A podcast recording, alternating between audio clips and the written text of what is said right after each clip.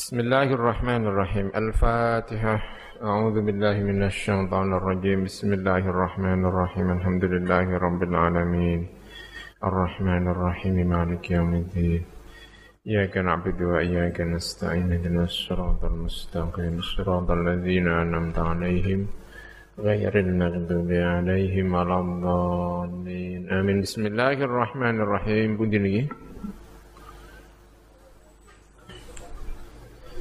Babu salat Babu salati al-aidaini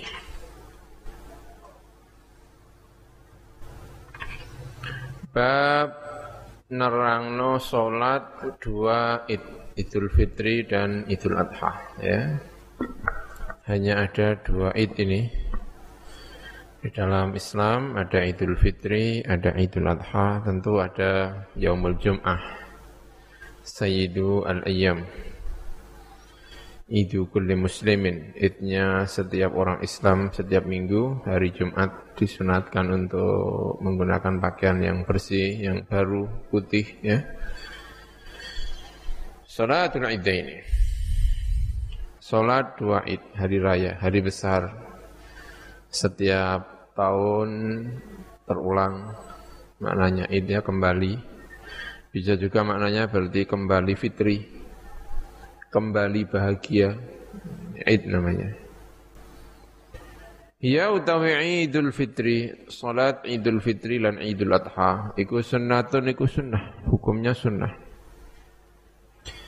Waqila lan ngendikaken fardu kifayatin iku fardu kifayah. Hukumnya fardu kifayah.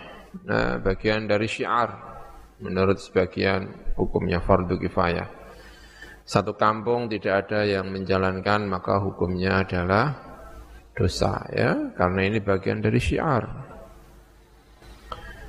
Yang lainnya sunnah tetapi menjalankan dalam satu kampung, satu kampung tidak ada yang menjalankan Idul Fitri, Idul Adha, maka hukumnya bisa dosa semua. Menghilangkan syiar. Ya, kayak azan itu juga bagian dari syiar. Kalau satu kampung sudah ada azan yang satu sudah cukup. Tapi kalau satu kampung nggak ada yang azan sama sekali, maka hukumnya bisa dosa semua. Jamaah juga begitu. Hal-hal yang merupakan syiar agama, ini menurut banyak pendapat hukumnya adalah fardu kifayah. Haji ya. Haji ini kan syiar maka setiap umat Islam dalam satu kampung satu negara harus ada yang haji. Orang Indonesia nggak ada yang haji sama sekali maka hukumnya seluruh orang Indonesia eh, apa namanya eh, berdosa ya. Ini mati ya sini? Miknya mati sini.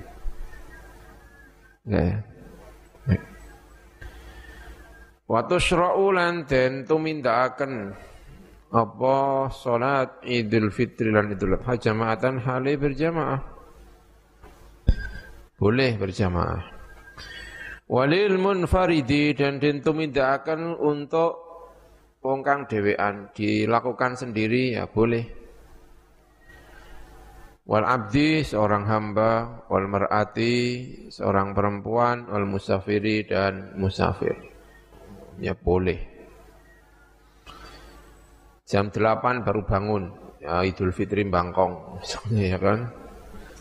Udah selesai semua jam 8 kok Idul Fitri. Ya gimana? Ya udah ya sendirian. Atau perempuan misalnya di pondok menjalankan sholat id kemarin ya, terlambat misalnya karena bangun terlambat atau antri air tidak mencukupi sehingga tidak bisa menjalankan di masjid. Ya udah sholat sendirian, sholat idul adha sendirian. Tapi kalau sholat sendirian tentu saja ya, nggak perlu khutbah, khutbah sopo. Wah dewean terus khutbah, kok apa kenapa ini kayaknya ada yang makmum jin. Waduh, nggak perlu ya. Gitu. Wa waktuha utai waktune salat Idul Fitri lan Idul Adha. Iku baina tulu'i syamsi. Ing dalam antarane munculnya matahari. Wa zawaliha lan lengsere matahari. Bergesernya matahari dari ufuk barat dari ufuk timur menuju ke ufuk barat. Di atas jam kalau sekarang ya mungkin jam setengah 12 lebih sekian ya sudah mulai bergeser mataharinya maka berarti Idul Fitri sudah hilang. Idul Adha juga sudah hilang. Jam 11 siang belum melaksanakan sholat Idul Fitri atau Idul Adha ya sholat sholat sendirian nggak masalah. Ya. Wa yusannu sunatakan bangun-bangun jam 2 Masya Allah misalnya ya kan?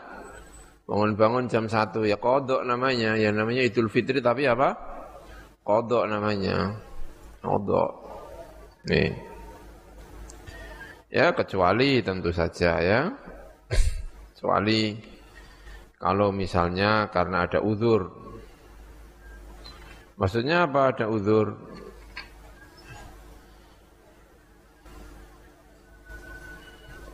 Uh, satu kampung ada uzur misalnya ya kan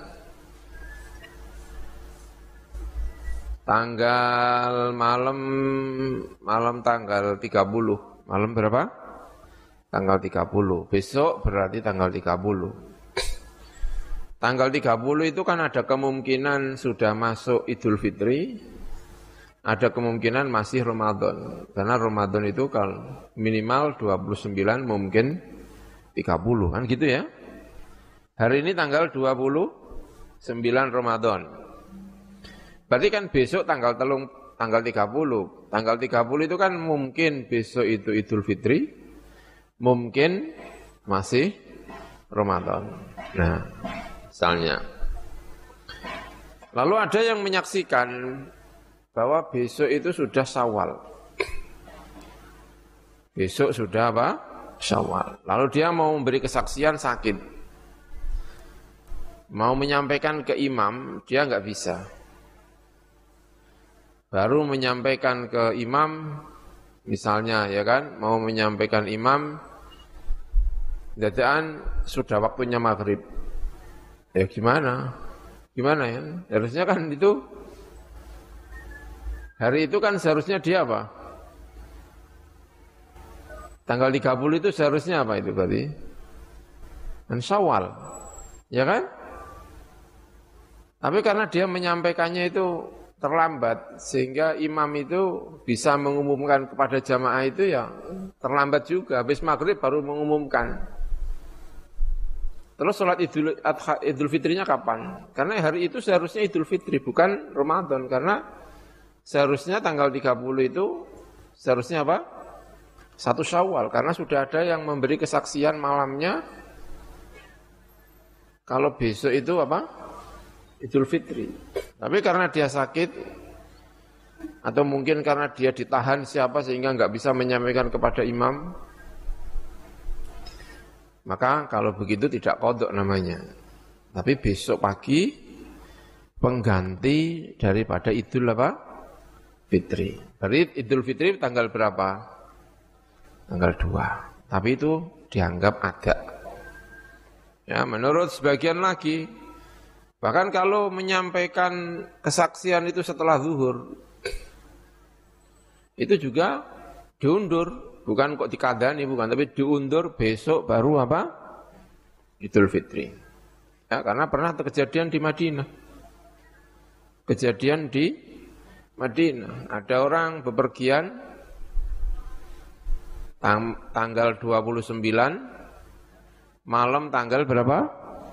30 di Madinah enggak ada yang menyaksikan karena tidak ada yang menyaksikan maka berarti tanggal 30 itu berarti apa? Masih Ramadan. Ada orang yang datang dari bepergian. Ada orang yang datang dari bepergian, datang-datang setelah zuhur. Kepada Rasulullah menyampaikan, ini tadi saya di perjalanan menyaksikan adanya apa? Bulan. Berarti hari itu apa? Idul Fitri. Hari itu ada adalah apa? Idul Fitri. Karena hari Idul Fitri maka Rasulullah memerintahkan kepada para sahabat. Sekarang Idul Fitri. Puasanya selesai semuanya. Maka puasa kemudian selesai semua. Enggak ada yang puasa. Terus Idul Fitrinya kapan? Diundur sama Rasulullah hari apa? Besoknya. Jadi Idul Fitri berarti tanggal tanggal keberapa? Tanggal kedua. Bukan tanggal pertama tetapi tanggal kedua. Nah, kalau yang seperti ini ada uzur ini tidak masalah. Ya, tidak masalah diundur satu hari. Tidak kodok, bukan itu tidak kodok. Wa yusannu lantin sunat akan apa takhiruha pengakhirakan salatul idaini. Litartafi'a supaya menduur apa syams. Karumhin kaya sak tumbak ya kira-kira 15 menit setelah terbitnya matahari. Ya, qadra rumhin. Ketika sudah bisa menjalankan sholat apa? Duha. Ya, qadra rumhin. Meninggi. Kalau misalnya matahari terbit itu jam 6 atau jam setengah 6, maka kita menjalankan Idul Fitri jam berapa? Jam 6, 15 menit. Ya, itu. Tapi itu sunnah. Ada orang-orang pengen cepat-cepat ya.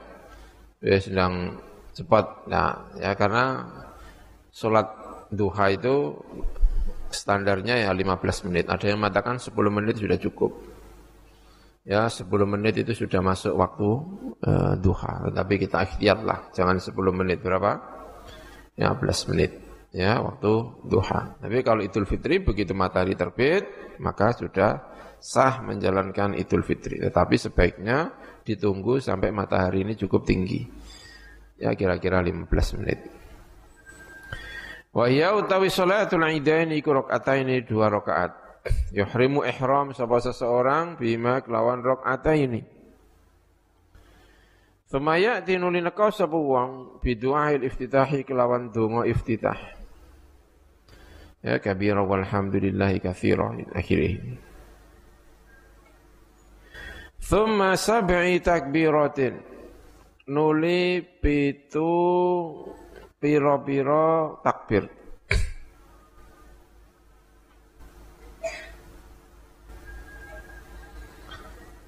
Yaqifu.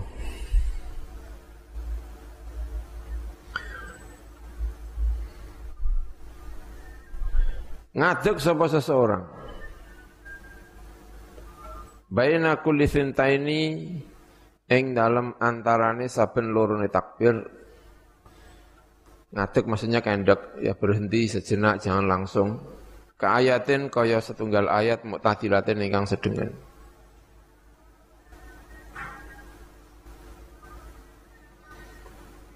Yuhallilu maca tahlil sapa mengkono seseorang wa yukabbiru lan maca takbir sapa seseorang wa yumajidu lan maca tamjid mengagungkan men, mensucikan Allah sapa seseorang.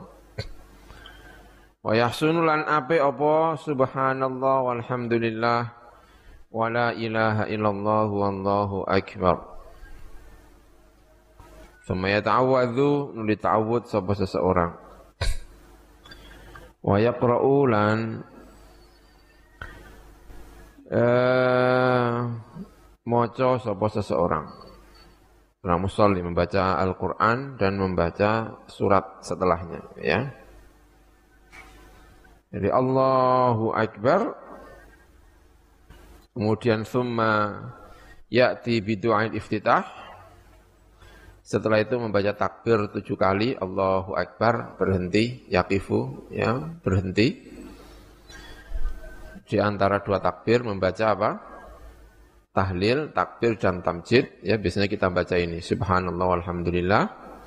Wala ilaha illallah wallahu akbar Allahu akbar. Subhanallah walhamdulillah. Wala ilaha illallah wallahu akbar Allahu akbar. Lagi sampai tujuh kali. Setelah tujuh kali lalu membaca a'udzu billahi minasyaitonir rajim baru bismillahirrahmanirrahim. Gitu ya Wa yukabbiru lan maca takbir sapa seseorang fi tsaniyati ing dalam rakaat yang kaping pindho khamsan kelawan kaping 5. Lima kali. Qoblal qiraati ing dalam sadurunge qiraah. Sebelum qiraah sebelum baca Fatihah, rakaat yang kedua membaca takbir lima kali. Selain takbirah berdiri, ya kalau tadi selain takbiratul ihram. Wa yarfa'ulan ngangkat sapa seseorang yadaihi ing tangan lurune seseorang fil jami'in dalam sekabehane ketika membaca takbir semuanya eh, mengangkat tangan. Allahu Akbar ya. Yang keras imam saja. Makmum jangan keras-keras bacaannya. Makmum pelan-pelan saja. Tapi kita ini kadang-kadang makmumnya ikut keras ya. Allahu Akbar, Allahu Akbar. Makmumnya itu ikut-ikutan banter ya. Seharusnya makmum itu jangan banter. Pelan-pelan aja. Ya, tapi nggak tahu gimana cara menjelaskannya ya. Harusnya diberi pengumuman sebelum menjalankan sholat, tolong ya, nanti kalau imamnya baca Allahu Akbar, kalian kalau baca pelan-pelan saja. Karena yang makmum bacanya pelan, pelan. Wa yarfa'ulan ngangkat sapa seseorang yadai fil jami'in dalam sekabiani. Walasna lan ora apa iki takbiratul ihram tadi. Apa takbiratul ihram? Takbir iku fardun iku fardu wala ba'dun lan ora kok sunat ba'diyah bukan fardu dan juga tidak sunnah ba'diyah. Walau nasya lamun lali sapa seseorang ha ing takbir. Asyara lan tumandang sapa seseorang fil qiraati ing dalam qiraah. Fatat mengkopot apa takbir. Takbirnya udah selesai. Wa fil qadim ing dalam qadim yukabbiru maca takbir sapa seseorang malam yarka' ing dalam sadurunge ora rukuk sapa mengkono seseorang. Selama dia tidak rukuk, maka tidak perlu eh, menurut kaul qadim masih disunatkan untuk membaca takbir ya. Berarti yang melangi lagi nanti Fatihahnya, Allahu Akbar, Allahu Akbar terus diulangi lagi apa? Fatihahnya menurut kaul apa? Qadim. Kalau menurut kaul jadid dan itu yang kita pakai, kalau lupa ya sudah Ya kan Allahu Akbar tiba-tiba imam kok Bismillahirrahmanirrahim. Alhamdulillahi Rabbil Alamin lupa baca takbir tujuh kali. Ya sudah, nggak usah diapa-apakan. Makmumnya terus jangan terus bikin sendiri-sendiri ya kan. Ada juga yang makmum itu terus imam lupa terus makmum itu coba cepetan Allahu Akbar, Allahu Akbar, Allahu Akbar. Yang nggak benar dia itu pokoknya ngikuti apa? Imam. Imamnya nggak jalankan ya sudah itu rukun juga ndak, sunat ba'diyah juga tidak. Jadi enggak masalah.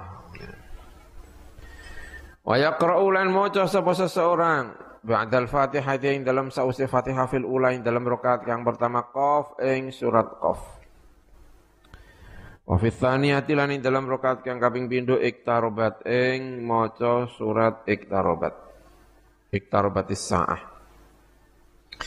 Bikamalihima kelawan sempurnane dua surat tadi. Jahron kelawan banter. Macane banter. Didengarkan oleh makmum.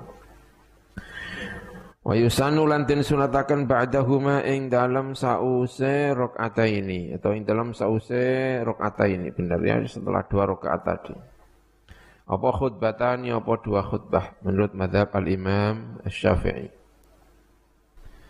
setelah menjalankan sholat baru khutbah. Ya kalau kalau sholat Jumat khutbahnya dulu, baru sholat. Kalau Idul Fitri, Idul Adha, sholat dulu baru khutbah. Cuman ya memang resiko. Resikonya apa? Ditinggal makmumnya. Ya kan bisa-bisa khutbah sendirian. Ya kan? Ini dulu juga begitu. Ada yang model itu ditinggal-tinggal. Ya. Setelah itu gergetan khutbahnya didahulukan. Gitu ya kan biar udah pada datang semua daripada nanti saya ditinggal mending saya khutbah dulu ya. Tapi itu salah. Tapi ada dulu yang menjalankan ya khulafa dulu para khalifah-khalifah dulu. Mungkin gergetan. Tapi ya tetap disalahkan sama ulama sama ini. Tetap salah itu salah. Tapi ya gimana lagi pimpinannya kayak gitu modelnya ya kan? Itu sudah zaman kuno. Khalifah-khalifah Umayyah dulu pernah melakukan itu. Tapi tetap itu merupakan sebuah kesalahan. Karena Rasulullah tidak pernah melaksanakan khutbah Idul Fit, Idul Adha, Idul Fitri sebelum menjalankan apa? Salat. Arkanuhuma utai biro-biro rukuni. Dua khutbah. Iku kahya kaya rukune khutbah, kaya arkan fil Jum'ati dalam Jum'ah sama rukunnya. Wa yu'allimu lan mulang sapa mengkono seseorang yang khotib tadi hum ing mengkono jamaah fil fitri ing dalam Idul Fitri al fitrata ing fitrah, zakat fitrah diajarkan biar tidak lupa. Wa fil adha lan ing dalam Idul Adha ngulang al udhiyata ing kurban, diulang. Apa yang harus dilakukan ketika kurban.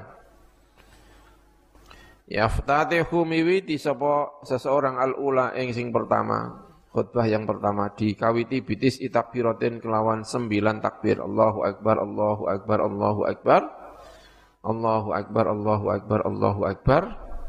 Allahu Akbar, Allahu Akbar, Allahu Akbar. Baru Alhamdulillah. Ya itu. Biar seperti rokaatnya. Karena rokaat pertama itu juga sembilan takbir.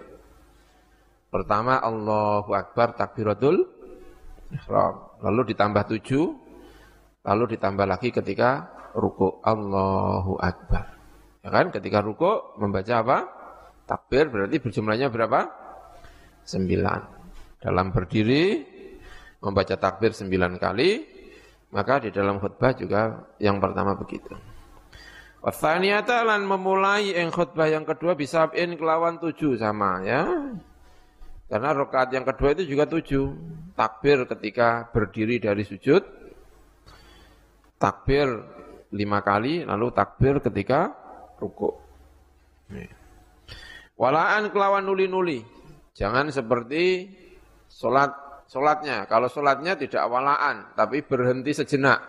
Allahu Akbar, Subhanallah, walhamdulillah, wa la ilaha illallah, wallahu Akbar, Allahu Akbar lagi.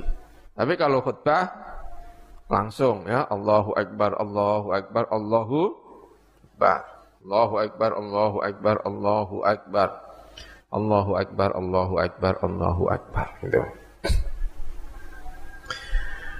Wa yundabu lan den sunataken apa al-ghuslu apa adus. Jeneng Idul Fitri Idul Adha masuk ke adus ya kan.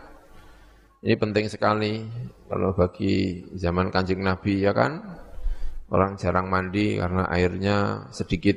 Ya kalau sekarang ya hampir semua orang Idul Fitri mandi ya kan. Ada yang sholat idul fitri nggak mandi? Ya, ada ya kan, bangunnya terlambat. Ya kan, males rasanya, terus nggak bagus. Sudah gitu nggak gosok gigi, Masya Allah, ya kan? Wa yadkhulu lan melbu apa waktu apa waktu ini mandi binisil laili kelawan separuh dalu. Mandi jam 12 malam kira-kira pagi masih kerasa kalau habis mandi enggak? Masih kerasa ya kan? Rasanya ya kalau badan ya belum bau lah, ya kan? Kecuali panas banget, ya kan? Keringat terus, keringetan terus misalnya, ya. Dia harus diulang lagi. Malam-malam jam 12 mandi. Niat mandi Idul Fitri. Jam 4 olahraga keringetan pol. Mandi lagi enggak? Ya mandi lagi lah, masa enggak mandi lagi habis keringetan kayak gitu, ya kan? Karena untuk menghilangkan bau badan ketemu orang banyak. Pakai baju yang rapi, karena ini adalah hari rayanya orang Islam. Ya kadang-kadang sekarang ini Masya Allah hari raya pakaiannya udah nggak baru-baru lagi. Ganti Valentine Day, wah baru semua ya kan? Walik namanya. Nah kita kalau Idul Fitri harus pakai baju yang apa? Baru ya, bukan harus dalam arti wajib ya bukan ya. Wa yadkhulu waqtuhu binisfil laili wa fi qaulin lan dalam siji qaul bil fajri kelawan fajar. Wa tatayyubu dan sunat lagi atatayyub wangen-wangen pakai minyak wangi. Wa tazayyunu lan berhias yang macak sing ganteng ya kan pakaiannya yang bersih semuanya pakai yang baru-baru al jumati kaya Jumat. Wa fi'luha utawi nglakoni Idul Fitri atau Idul Adha bil masjid yang dalam masjid iku afdhalul utama. Menjalankan itu di dalam masjid lebih baik menurut mazhab Al-Imam Syafi'i. Makanya kalau Idul Fitri, Idul Adha kok di masjid ya kira-kira miliknya NU lah. Kalau Muhammadiyah rata-rata tidak di masjid tapi di eh, lapangan ya di musola tempat sholat di lapangan. Ya ini. Wakil lan den ngendikaken bis sahra yang dalam sahra yang lebih baik dilaksanakan di lapangan sahra di tanah yang terbuka, di oro-oro zaman riyen. Saiki yo gak oro-oro ini sarang ya, lapangan. Ada rumputnya dikit-dikit. Illa li'udhrin kecuali krono udhur menurut sebagian. Ya, karena menurut Syafi'i yang lebih baik di mana? Masjid. Karena menurut Imam Syafi'i, Rasulullah itu melaksanakan Idul Fitri, Idul Adha itu di padang pasir, di Sahra karena masjidnya kecil. Sementara Rasulullah ketika Idul Fitri, Idul Adha memerintahkan seluruh umat Islam untuk ikut keluar. Laki-laki, perempuan keluar semuanya harus ikut. Yang tua, yang muda, yang sudah menikah, yang belum menikah, anak-anak kecil, ibu-ibu menyusui, perempuan-perempuan yang head, perempuan-perempuan yang nifas, semuanya disuruh keluar oleh Rasulullah untuk menyongsong datangnya Idul Fitri, Idul Adha. Jadi semuanya di musola. Karena itu penuh sekali. Yang tidak head, yang tidak nifas, menjalankan sholat. Yang sedang head dan sedang nifas, ditempatkan di tempat tersendiri. Tapi tetap ikut datang zamannya Rasulullah Shallallahu Alaihi Wasallam. Ada yang namanya Ibnu Sirin, Muhammad bin Sirin, orang sufi terkenal, ya orang alim, orang khusyuk sekali. Saking khusyuknya punya putri juga khusyuk-khusyuk, ya kan? Dia melarang putrinya ini melarang uh, keluarganya yang putri-putri yang masih muda-muda untuk tidak keluar menjalankan Idul Adha atau Idul Fitri karena dianggap fitnah. Tapi kemudian dibantah bahwa yang seperti ini tidak sesuai dengan ajarannya Rasulullah Shallallahu Alaihi Wasallam. Karena Rasulullah memerintahkan seluruh perempuan yang muda, yang tua, yang haid, yang tidak haid yang menyusui, tidak menyusui, yang kecil, yang sudah tua, masih dalam gendongan, semuanya disuruh keluar untuk menjalankan Idul Fitri dan Idul Adha. Karena itu penuh. Masjidnya Rasulullah tidak muat. Karena tidak muat, maka dijalankan di mana? Di musola, menurut madhab Imam Syafi'i. Tapi sekarang masjidnya udah penuh, udah udah penuh, udah besar-besar. Ya kan, istiqlal. Istiqlal besar enggak? Daripada halaman istiqlal besar mana dengan istiqlalnya? Ya ya besar istiqlalnya. Makanya menurut Syafi'i ya sebaiknya di masjid karena masjid sekarang sudah besar-besar. Di Gundan ada masjidnya ya kan? Kalau nggak muat masjidnya lapangannya masjid halamannya masjid masih luas sehingga dijalankan di masjid menurut madhab Syafi'i lebih baik Menurut sebagian yang lain ya di Sohro, karena Rasulullah menjalankannya di Sohro. Jadi istihad masing-masing berbeda ya tidak masalah ya. Baik NU atau Muhammadiyah dalam hal ini masing-masing punya dalilnya sendiri-sendiri. Yang satu mengikuti Rasulullah dengan cara pakai ilat. Kenapa Rasulullah menjalankan di Sohro? Karena tidak muat. Sementara yang satu Rasulullah menjalankannya di Sohro ya udah diikuti di uh, Sohro ya enggak masalah. Mengikuti yang mana saja itu tidak masalah. Wa yastakhlifu lan amri ganti. Sapa mengkono seseorang? Imam man ing wong yusolli ingkang salat sapa man biddu'afati kelawan pira-pira wong sing apes-apes. Salat Idul Fitri, Idul Adha lumrahnya dibaca dengan panjang. Minimal yang dibaca itu adalah Sabihisma Rabbikal Ala, Suratul Ala sama Suratul Ghoshiyah. Pengen panjang lagi, surat Qaf dengan Iktarobati Asa, panjang. Bagaimana kalau yang sholat itu ada yang tua nggak kuat ngadep? Imam menggantikan seseorang. Monggo yang tidak kuat, sholat lama-lama ikut di masjid bacanya kulhu sama inna inna atau inna. Nah, gitu kira-kira, ya kan? Itu. Hanya imam menggantikan. Karena itu dilakukan oleh Sayyidina Ali. Sayyidina Ali sholatnya di Sohro. Sholatnya cukup panjang. Lalu Rasulullah Sayyidina Ali memerintahkan kepada Abdullah bin Mas'ud siapa yang sholatnya tidak kuat panjang-panjang, sholat di masjid bersama siapa? Abdullah bin Mas'ud. Kalau kita kasih opsi begini kira-kira laris mana kira-kira? Khawatir ya kan? Jangan-jangan malah ke masjid semua. Sohronya nggak laku karena ininya yang satu kulhu, yang satu eh, sabihis. Ya kita nggak perlu kayaknya ya kan?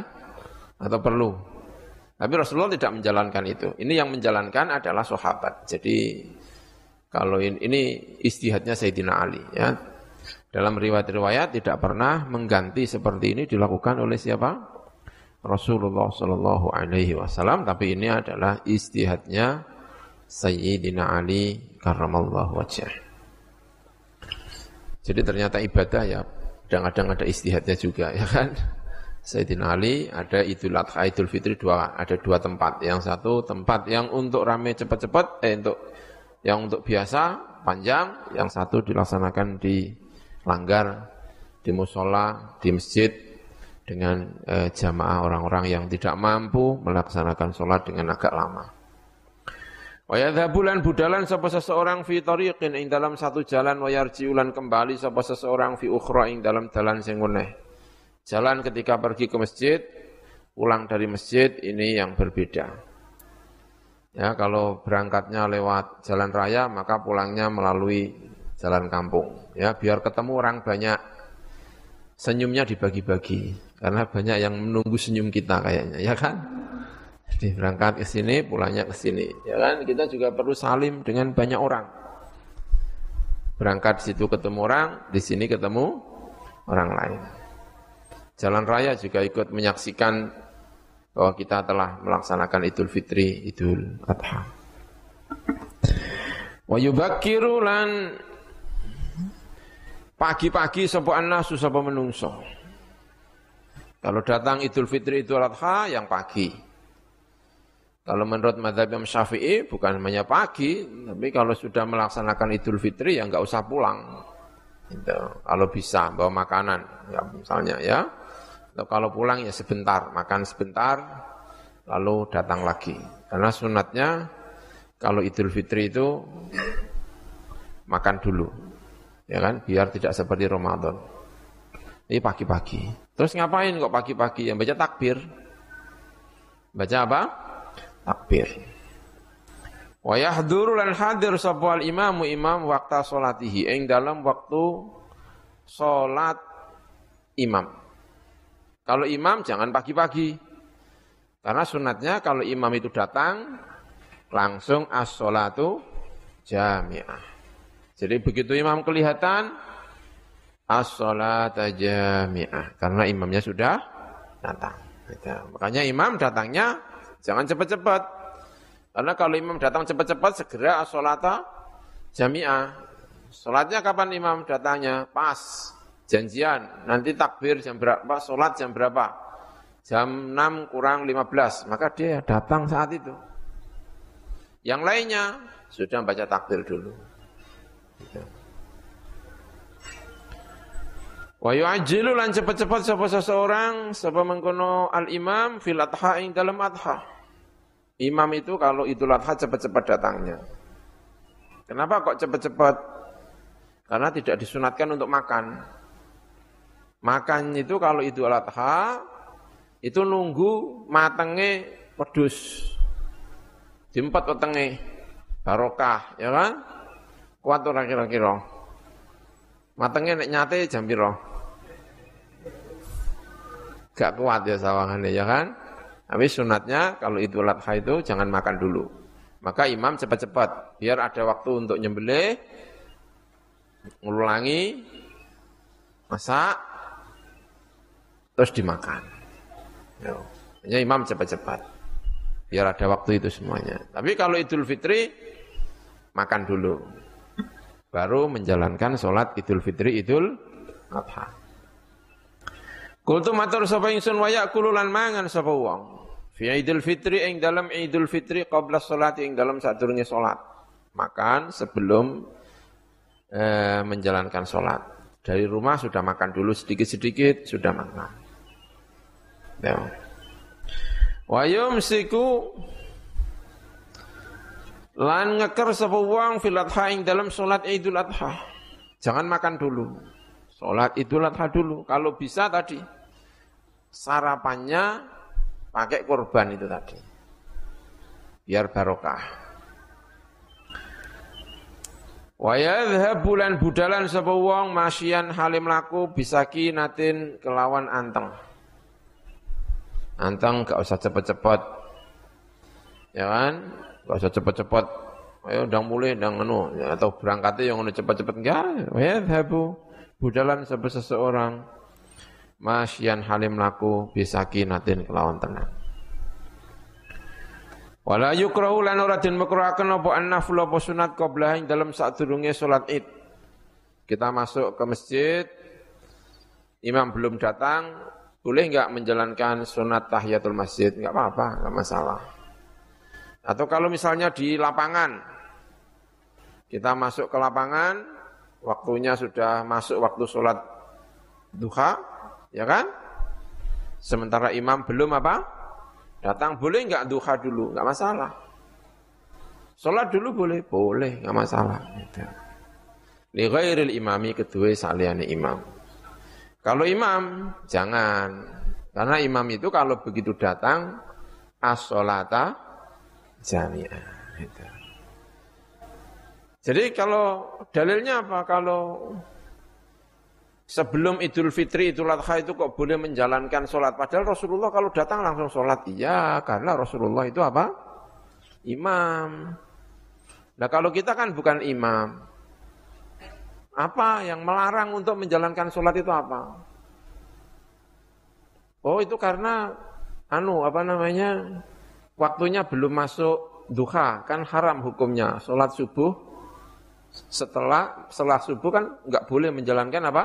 Sholat. Oh iya berarti haramnya bukan karena idul adhanya tapi karena waktunya belum masuk menjalankan sholat idul adha tapi kalau sudah masuk waktu sholat idul adha nggak ada alasan apa pun untuk melarang. Maka ya boleh ya boleh boleh saja. Apalagi kalau di masjid. Karena kalau di masjid berarti ada sholat sunat apa? Tahiyatul masjid. Kalau itu memang dijalankan di masjid jadi nggak masalah. Jadi kita ke masjid masuk sholat dua rakaat niat sunat tahiyatul masjid ya tidak apa-apa. Nah kecuali tadi imam karena imam ada tuntunannya sendiri yaitu sholatnya siapa? Rasulullah Shallallahu Alaihi Wasallam karena Rasulullah kalau menjalankan sholat idul adha, idul fitri, begitu masuk di dalam masjid, langsung apa? As-sholat jami'ah. Allahu a'lam. Faslun itu ya, Allahu a'lam.